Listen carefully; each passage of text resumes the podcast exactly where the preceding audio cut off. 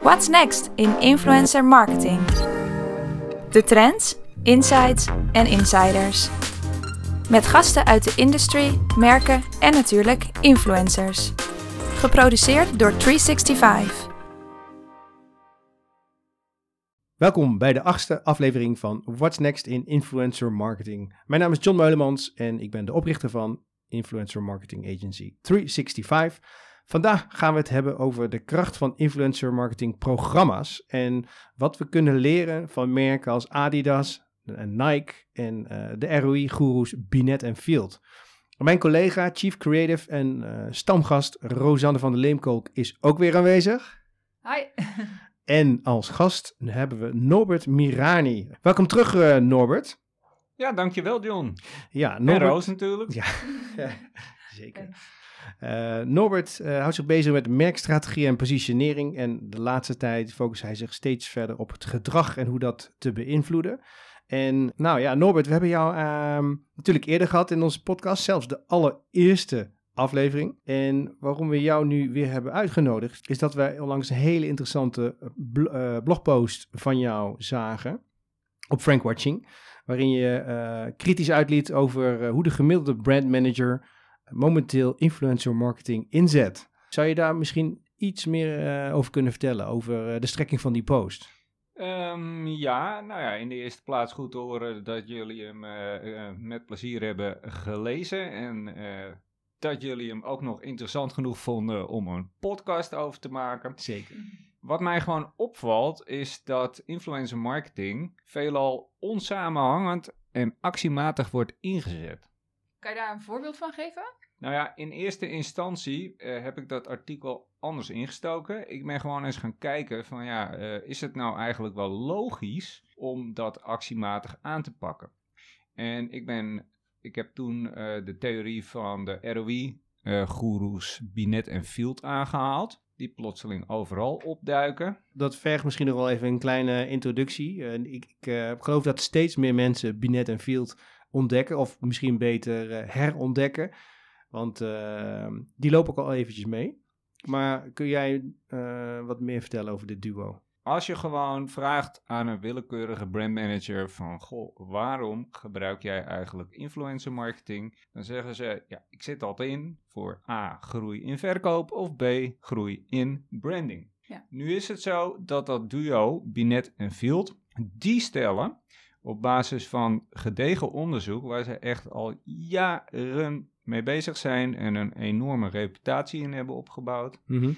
dat voor het bouwen van sterke merken zowel actiematige marketing nodig is als lange termijn marketing. En wat is nou het verschil? Nou, met actiematige marketing bedoelen zij een korte termijn piekstijging van de verkoop. Lange termijn marketing, daaronder verstaan zij brandbuilding en hogere omzetmarges. En wat nu essentieel is, is de verhouding. Zij zeggen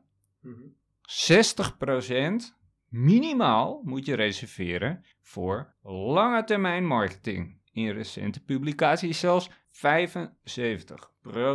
Oftewel 75% van het marketingbudget gaat naar lange termijn initiatieven. Ja, en als je dan even terugdenkt aan waar ik deze podcast mee begon, ja, dan valt het mij op dat influencer marketing veelal onsamenhangend actiematig wordt ingezet. En dat staat dus helemaal haaks op die theorie. Ja, dus, dus, dus uh, dat zien wij ook, hè, dat veelal nog campagnematig wordt gekeken naar de inzet van influencers. In tegenstelling tot uh, wat meer in, programma's gedacht. Uh, dus een meer een lange termijn inzet van vaste gezichten in plaats van een, van, ja, een one-off zogenaamd. Alleen, uh, oké, okay, nou, Binet en Field snap ik wel redelijk nu. Ik heb geen marketing gestudeerd, maar helder, check. Maar uh, heb je dan ook nog een voorbeeld hiervan? Ik denk dat het uh, in eerste instantie het beste is om dan een voorbeeld aan te halen wat iedereen kent. En dat is notabene ook nog een Effie-winnende case van Dove. Dove die positioneert zich niet als een zeep, maar als een cream. Een natuurlijk product dat de huid in conditie uh, houdt, zoals ze dat zelf zo mooi formuleren. Mm -hmm. En dat is dus exact wat de gevoelige snaar raakt. En daardoor is het een succesvol merk geworden. Ja, ze hadden dus ook die reclames met, zeg maar, met die echte vrouwen eh, en niet echt modellen of zo. ehm, in een, eh, in een tele ja, televisie, dat ken ik echt nog meer van vroeger. maar inderdaad, eh, wat je zegt, focus on the real beauty. Ja. Ja, en dus lange termijn. Want dit is niet een korte campagne geweest. Hè. Die eh, campagne heeft inderdaad hoge ogen gegooid. die campaign for Real Beauty. Maar wat ik er dus ook sterk aan vind, is dat het dus iets is wat nou volgens mij een aantal jaar al draait. Ja, dat klopt. Eh, Ze hebben eerst uitgebreid onderzoek gedaan voordat ze een complete productlijn gingen lanceren. Nou ja, daaruit bleek dus dat eh, vrouwen de reclames die ze nu voorbij zagen komen, ja, als onrealistisch beschouwden. En daardoor voelden ze zich eigenlijk zeer ontevreden. Sterker nog, ze kregen er gewoon een compleet minderwaardigheidscomplex van. Nou, dat is misschien gechargeerd, maar daar kwam het wel op neer, want eh, ze voelden zich gewoon minder tevreden over hun uiterlijk. Dus vervolgens eh, dacht DAF, wat wij gaan doen is, en dat zei Roos ook al, de campaign for Real Beauty. En hun missie was vrouwen dagelijks laten stralen op basis van wie ze zijn en ze inspireren goed voor zichzelf te zorgen. Oftewel, echte vrouwen in campagnes, beelden die de meeste luisteraars zich waarschijnlijk wel kunnen herinneren. Nou, mocht dat niet zo zijn, ik zou zeggen, ga dan even naar het eerder genoemde artikel op mijn LinkedIn. Ga even eh, door de comments, daar kom je een complete video tegen. En daarin legt marketingprofessor Mark Redson de hele case uit. En ik geloof op, was het? Ik denk een minuut of zes, als je daar naartoe gaat. Daar eh, laat hij gewoon de complete eh, grafiek, het model van Binet en Field zien. Dat legt hij over de resultaten van die campagne heen.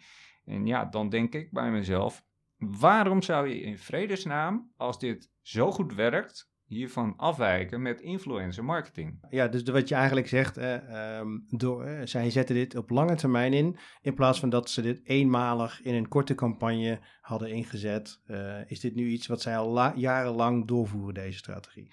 Wij eh, hebben dit model van Binet en Field ook over eh, een model gezet, wat, waar wij de verschillende fases van influencer marketing binnen organisaties hebben geduid.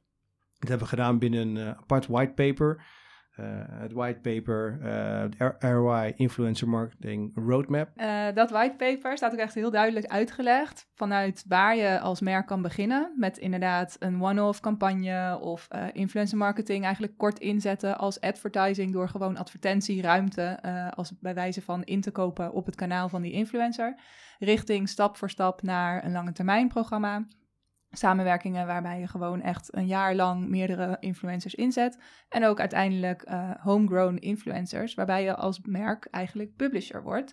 En dus eh, ja, zelf meer in de hand hebt waar, eh, waarover je content gaat. Ja, dus wat we eigenlijk zeggen, gaat misschien niet zozeer mis bij, als je een campagne doet, maar het is een beetje een gemiste kans. Want volgens Binet en Field mocht je een, een korte termijn activatie doen, lees je een korte termijn eh, one-off campagne, dan is het sales effect wat je eraan eh, kan, eh, wat je daarbij ziet, is, ja, heeft een beperkte duur ten opzichte van een lange termijn aanpak, waarbij je dus een ja, steeds groter wordend sales effect gaat zien en je ook nog eens een keer aan je merk gaat werken. En, dat, en waarom is dat dan zo belangrijk volgens hun, Norbert? Nou ja, ik ben altijd zelf van, oké, hoe kan je dat nou eh, visueel voor je zien? Eigenlijk is het zo dat het model van eh Binet en Field uit twee lijnen bestaat, in twee verschillende kleuren.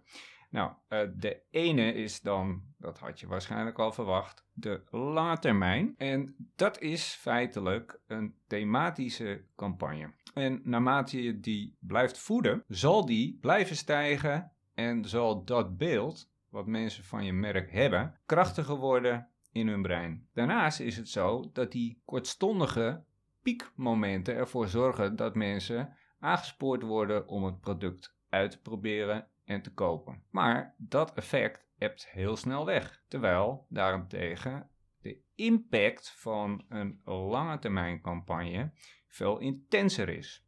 En waarom? Omdat dat brandbuilding is. En bij brandbuilding is het vereist dat er een associatienetwerk wordt opgebouwd rondom een merk. En hoe doe je dat? Dat doe je door emotional priming. En die emoties, juist die zijn cruciaal, want die bepalen het beeld wat mensen hebben van jouw merk. En dat zorgt er ook voor dat, mensen een, dat er een band ontstaat tussen uh, mensen en merken. Dus denk maar aan de themacampagnes van grote merken.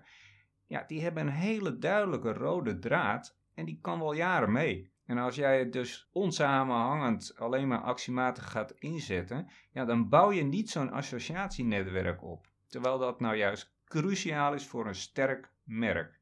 En dat vul je aan met korte termijn activiteiten. Ja, oké. dus het wil niet zeggen dat je eigenlijk alleen maar moet focussen op lange termijn, maar meer die 60-40 regel van 60% focus op lange termijn en 40% dus de aanvulling die van toegevoegde waarde kunnen zijn, korte termijn activiteiten. Exact. Ik had het niet beter kunnen formuleren. Oké, maar wat is dan eigenlijk, wat, wat gaat er dan nu nog mis bij uh, de influencer marketing campagnes die je voorbij ziet komen? Nou ja, uh, ten eerste zijn het uh, ja, nagenoeg allemaal. nou ja, mocht iemand wel goede voorbeelden hebben, dan zie ik ze graag terug in de comments. Zijn het... Volgens mij moet je heel even terugluisteren naar de vorige podcast. Daar hebben we een heel goed voorbeeld. Ja. Oh, ja, daar, nou ja, goed, daar kan ik zo wel wat op zeggen, inderdaad. Ehm, nou ja, goed. Dan hoor ik het graag. Zet het in de comments. Maar goed, eh, ik vind het dus allemaal korte termijn campagnes wat ik zie. En eh, het verbaast mij gewoon dat marketeers bij de zoektocht ook naar de juiste influencer, dat ze dan toegang krijgen tot een database. Daar kunnen dan bijvoorbeeld met behulp van sociodemografische variabelen, aangevuld met enkele social parameters, verantwoorde keuzes worden gemaakt om ja, vervolgens uit een, eh, wat ik maar eventjes hier, uh, ja, toch wel een beetje gekscherend noem, uh, een tombola aan influencers, keuzes worden gemaakt. Ja, ik denk dan van, hoezo? Dat kan toch helemaal niet? Het punt is namelijk, ja, dan kom ik weer even met een welbekend voorbeeld, maar dat is wel het meest helder. Neem nou Red Bull. Wat zij doen is, zij maken dromen waar van extreme sport atleten. En die personen die representeren exact dezelfde associaties als het merk. Ja. Dus dat versterkt elkaar. En het lijkt mij dan, als jij een keuze gaat maken voor de juiste influencer die past bij jouw merk, dat je ook gaat kijken van ja, maar wacht eens even, wat is nou het associatienetwerk? Welke emoties roept die uh, persoon op? Wat voor persoon is dat nou eigenlijk? En match dat met uh, het profiel, het DNA van mijn merk. Dat lijkt mij een relevante uh, factor om te gaan matchen of een shortlist te maken. Ja, precies. Ja, en ik las uh, in jouw artikel ook dat je volgens mij Adidas even aanhaalde. Die nu ook echt meer gaat focussen op uh, lange termijn strategie. En volgens mij zag ik ook nog een quote van de marketing uh, director daar of zo. Die zei van, ja, we zijn ons eigenlijk een beetje verloren in de korte activaties. En de marketingstrategie is daarmee gewoon een beetje, ja, ook achterwege gelaten of zo. Dus er was niet meer echt focus op. En we willen nu eigenlijk gewoon weer lange termijn gaan uitbouwen. Uh, en dat zeg maar echt compleet vasthouden. En alles wat we dus gaan organiseren, draagt daaraan bij. Ja, heb jij nog meer goede voorbeelden, Norbert? Eens even kijken. Ja, ik heb met name in het buitenland altijd, denk ik dan. Ja, dat klopt. En ik dat... zag je ook met het schoolvoorbeeld van influencer marketing uh, in je post, dat je dat aanhaalde, namelijk Revolve. Ja, dat, dat, kan ik, dat is wel de moeite waard om even te noemen. Ik heb een aantal voorbeelden genoemd in uh, mijn artikel. Dus heb je het niet gelezen, uh, ga dat nog even doen. Want hij zit nu ergens tussen de 9 en de 10. En uh, het zou mooi zijn als hij echt de 10 gaat aantikken. Um, ja, 10.000 uh, artikel reads bedoel je? Uh, ja, zeker. Um, maar goed, voor degenen die überhaupt denken, Revolve, wat is dat? Nou, Revolve is een Amerikaans bedrijf, een fashion company, um, digitaal. Nou, de oprichters, die hebben echt 0,0 verstand van mode. Dat ja, zijn... Inmiddels denk ik wel, maar... Maar goed, zij zijn van origine data-analyst. En zij zijn erin geslaagd via influencers, en zij waren er weliswaar op het eerste moment al bij, en data-analyse ingeslaagd om modetrends te voorspellen en ook gewoon op basis van die voorspellingen nieuwe merken te introduceren die exact aansluiten bij de wens van jongeren. Super slim. Om even een klein uh, toevoeging te doen. Revolve heeft inmiddels een netwerk van zo'n 3500 influencers. Uh, organiseert eigen mega-events te, tegelijkertijd uh, met, met Coachella. En om een idee te geven, tijdens het laatste event hebben ze zo'n 1500 uh, verschillende influencers uitgenodigd, aangekleed. En ja, die zijn daar ook content gaan maken. En ja, per campagne die zij voeren wereldwijd zijn er eigenlijk altijd wel zo'n 60 à 70 influencers die, die dat oppakken. Dus dat is uh, vrij groot en dat, dat legt ze ook geen windeieren, want 70% uh, van hun omzet komt binnen via influencers. Dat is dus substantieel. En, uh, ja, en ze zijn ook onlangs naar de beurs gegaan. Ehm, volgens mij een van de ja, meest succesvolle IPO's van de afgelopen periode. En kanttekening daarbij is dat het woord influencer, influencer zo'n 80 keer stond in een IPO-filing. Dus dit is echt wel een schoolvoorbeeld van hoe je dit op lange termijn uh, inzet. Dus ik, wij vinden dat ook een uh, extreem goed voorbeeld. Um, even door, weer terug naar het programma. Even, als we even iets hoger gaan zitten en een beetje uitzoomen. Ja, dan rijst mij de vraag, oké, ik wil nu voor de lange termijn influence gaan inzetten. Hoe ga ik dat dan doen? En, en wordt dat niet heel duur? als ik nu in één keer van die ene campagne nu naar een always-on aanpak ga? Ja, dat is maar net uh, hoe je het uh, bekijkt. Want ja, ik, wat er net al is gezegd, uiteindelijk is de meest effectieve aanpak lange termijn. En dat is dus het leeuwendeel van je activiteiten. Zo zorg je dat je echt een sterk merk hebt. En uiteindelijk zorgt dat voor een hoog rendement. Dus ja. Uh, ja dus je zou kunnen zeggen, eigenlijk levert dat aan zich al op en ik wilde eigenlijk nog wel uh, iets op aanvullen, is dat voor ieder budget is er wel een programma uh, mogelijk. Want ten eerste hoef je niet alleen maar met uh, de grote A-listers te werken in een programma. En kun je natuurlijk ook kiezen voor micro-influencers die vaak sterk zijn in een bepaalde niche. En is er natuurlijk ook nog een andere optie, waar we het al eerder over hebben gehad in deze podcast.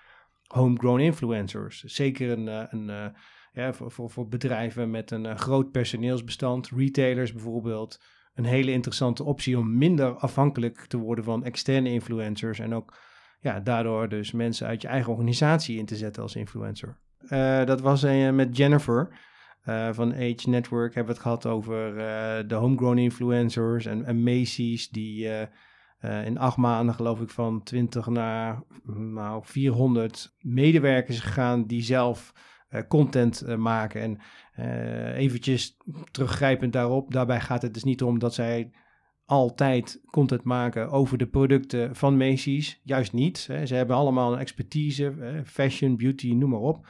Maar daarbinnen is het niet meer dan logisch dat ze ook af en toe producten van Macy's naar voren halen. En nou, dat vind ik, ja, dat is een, is een heel mooi voorbeeld. En terecht wellicht ook dat vanuit het management daar ook de vraag wordt gesteld moeten we nog wel externe influencers uh, in, uh, inzetten? Ik denk uh, van wel. Want als jij alleen maar influencers hebt vanuit je eigen bedrijf, dat lijkt mij gewoon niet geloofwaardig. Kijk, Sephora, dat is een groot bedrijf in beauty en cosmetics. die heeft een enorm netwerk als zij opeens niet meer het externe netwerk zouden inzetten, maar alleen maar gebruik zouden maken van uh, interne influencers, ja, dan zou ik dat minder geloofwaardig vinden. want uh, ja, uh, wie geloof je als eerste? Dat zijn juist de mensen die niet bij Sephora werken. En ik ga er niet vanuit dat mensen in jouw of mijn vriendenclub nou werken bij Sephora. Dat is een utopie. Maar dan is de ideale combinatie of, uh, of ideale strategie zou dan een combinatie kunnen zijn van de mensen die dus wel bij Sephora werken en het merk dus door en door kennen en dat dus ook graag uitdragen naar hun uh, doelgroep en vrienden. Met, uh, gecombineerd dus met influencers die al wel gerenommeerd zijn en een andere doelgroep hebben opgebouwd, een fanbase. Ja, ja, ja ik denk het ook. Niet alleen vanwege de credibility, maar ook om je eigen influencers te laten groeien. Het is een, eh, een collab met een paar grote, ja, dat, uh, daar zul je ook uh, de resultaten van terugzien in, het, ja, in de follower base van je, van je homegrown influencers. Maar ja, dat is ook precies wat een influencer een influencer maakt. Van je begint gewoon klein en je hebt nog geen volgers, maar door te posten binnen een bepaalde niche, word je uiteindelijk groeien uit tot een expert. Ja, ja. En ik, ik kom even op een vraag tussendoor want ehm, we hebben het eigenlijk over veel meer lange termijn, hè, wat meer uh, thematisch eigenlijk uh, influencers inzetten. Wie gaat dat betalen? Of uit welk potje zal dat moeten komen? Want ehm, je kunt natuurlijk zo groot en zo klein maken als je wilt, maar eh, als je strategisch gaat inzetten, dan, eh, dan zeg ik ook put your money where your mouth is. En eh, ga er dan ook echt eh, vol voor. Eh, maar ergens eh, moet dat budget ook vandaan komen. Ik denk dat het televisiebudget een van ehm, de meest interessante bronnen zal zijn om dit ook eh, te financieren. Om een aantal redenen. Sowieso, eh, ja, televisie is het medium eh, wat al eh, nou ja, een tijdje aan, aan bereik en impact inboet. Hè? En, en daarnaast hebben we het ook nog een keer over advertenties. De, juist het succes van influencer marketing is omdat je die mensen vrijwillig volgt voor een passie en expertise in plaats van een advertentie die je eigenlijk ergens tussendoor voorgeschoteld krijgt, onvrijwillig. Maar een hele interessante. Recentelijk is er ook een onderzoek geweest eh, van Neuro Insights. Ja, op eMarketer kun je het vinden als je gaat zoeken Your Brain on Influencers. Nou, dat is een studie en daar blijkt dus dat influencers 277 keer zo emotioneel intens binnenkomen als televisie. Dus dat is echt een impact eh, waar je u tegen zegt. En ook voor de lange termijn priming, hè, want daar hebben we natuurlijk vandaag over. Zie je dus dat het 87% beter wordt opgeslagen in het lange termijn eh, geheugen. En eh, nou, dat zijn dus al drie redenen op een rij om ehm, ja, toch budget eh, van, van televisie meer in te zetten in lange termijn influencer marketing inzet. En als laatste nog een klein voordeel, nou ja, klein, het maken van een commercial, nou ja, voor de adverteerders die daar ervaring mee hebben, dat kan ook redelijk prijzig zijn. En ja, aangezien je toch content gaat maken met influencers, dan is het ook eh, zeer interessant om te weten dat influencers zelf vaak ook de productie doen. Dus dat is ook een, een kostenpost die je eigenlijk kunt, eh, kunt schrappen. Dat gezegd hebbende, denk ik dat ook een heel relevant punt is dat mensen vrijwillig op zoek gaan naar influencers. En vaak zijn dat onderwerpen die aansluiten en dan echt naadloos aansluiten bij hun passie. En eh, dat betekent dat de engagement met die content uitzonderlijk hoog is. En als er dus ook producten in voorbij komen, ja, dan blijft dat gewoon hangen. En ook al denken mensen dat het niet zo is, hè, dan blijft dat in het onderbewuste toch hangen, die boodschap. En dat is al meerdere keren aangetoond. Eh, dus daar zal ik hier niet eh, verder bij stilstaan.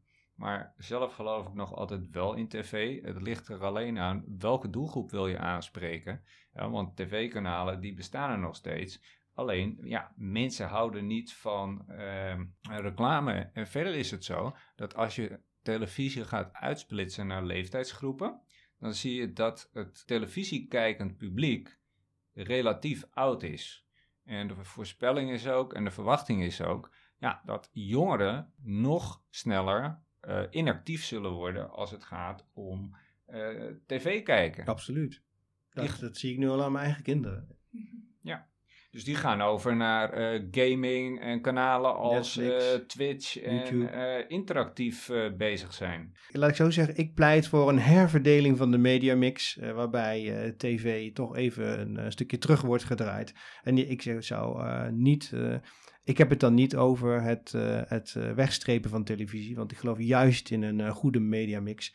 Alleen ik denk eh, dat dat enige correctie op de inzet daarvan wel op zijn plaats is. Ja. Ehm, ik zou willen gaan naar de belangrijkste insights eh, van vandaag. Roos, de conclusies op een rij. Mag ik eh, jou de eer geven? Nou, eh, ik heb in ieder geval nu meer geleerd over Binet en Field. Ik kende het al wel, maar nooit echt eh, gehad tijdens studie of zo. Waarin dus duidelijk wordt aangedragen dat je lange termijn en korte termijn moet combineren om uiteindelijk echt aan je merk te kunnen bouwen. En waarbij dus een ideale mix is 60% op lange termijn en 40% op korte termijn. Ehm, nou ja, influencer marketing werkt eigenlijk beter voor emotional branding en priming eh, dan tv, omdat de boodschap gewoon beter binnenkomt. En je, nog het budget. Waar haal je het budget vandaan? Eh, wil je je marketingmanager overtuigen om eh, op influencer marketing te gaan zitten? Nou, misschien hebben jullie nog wat over van tv. Dankjewel, Roos. Ehm, nou, dan nog even naar Norbert. Heb jij nog een, een laatste pointer voor de luisteraars? Ja, ehm, terugkijkend op wat we allemaal hebben besproken, denk ik dat je het zou kunnen samenvatten in twee zinnen. En dat is, ga ook bij influencer marketing voor de integrale, bewezen, effectieve aanpak. Dus ja, besteed aandacht aan actiematige activiteiten, maar investeer bovenal in branding, want dat is de motor voor lange termijn groei. Dankjewel Norbert. Nou, en voor degenen die denken van, oké, ik ga nu voor die lange termijn. Ik ga ook wat meer influencer marketing inzetten. Hoe doe ik dat? Nou, daarvoor ehm, kun je een, mailtje sturen naar podcast@365.co.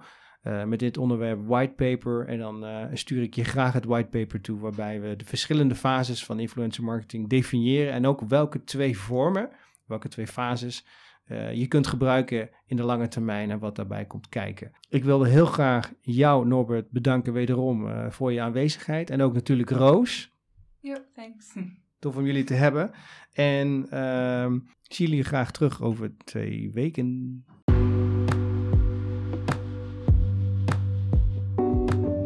En daarmee zijn we aan het eind gekomen van alweer de achtste aflevering. Vond je het leuk? Vergeet dan niet te abonneren of te sharen. Thanks daarvoor. Volgende keer hebben we een interview met Marit Brugman, bekend van Hagens Media. En dan gaan we horen hoe het team van Dylan Hagens naar de recente ontwikkelingen in de markt kijkt. Graag tot dan!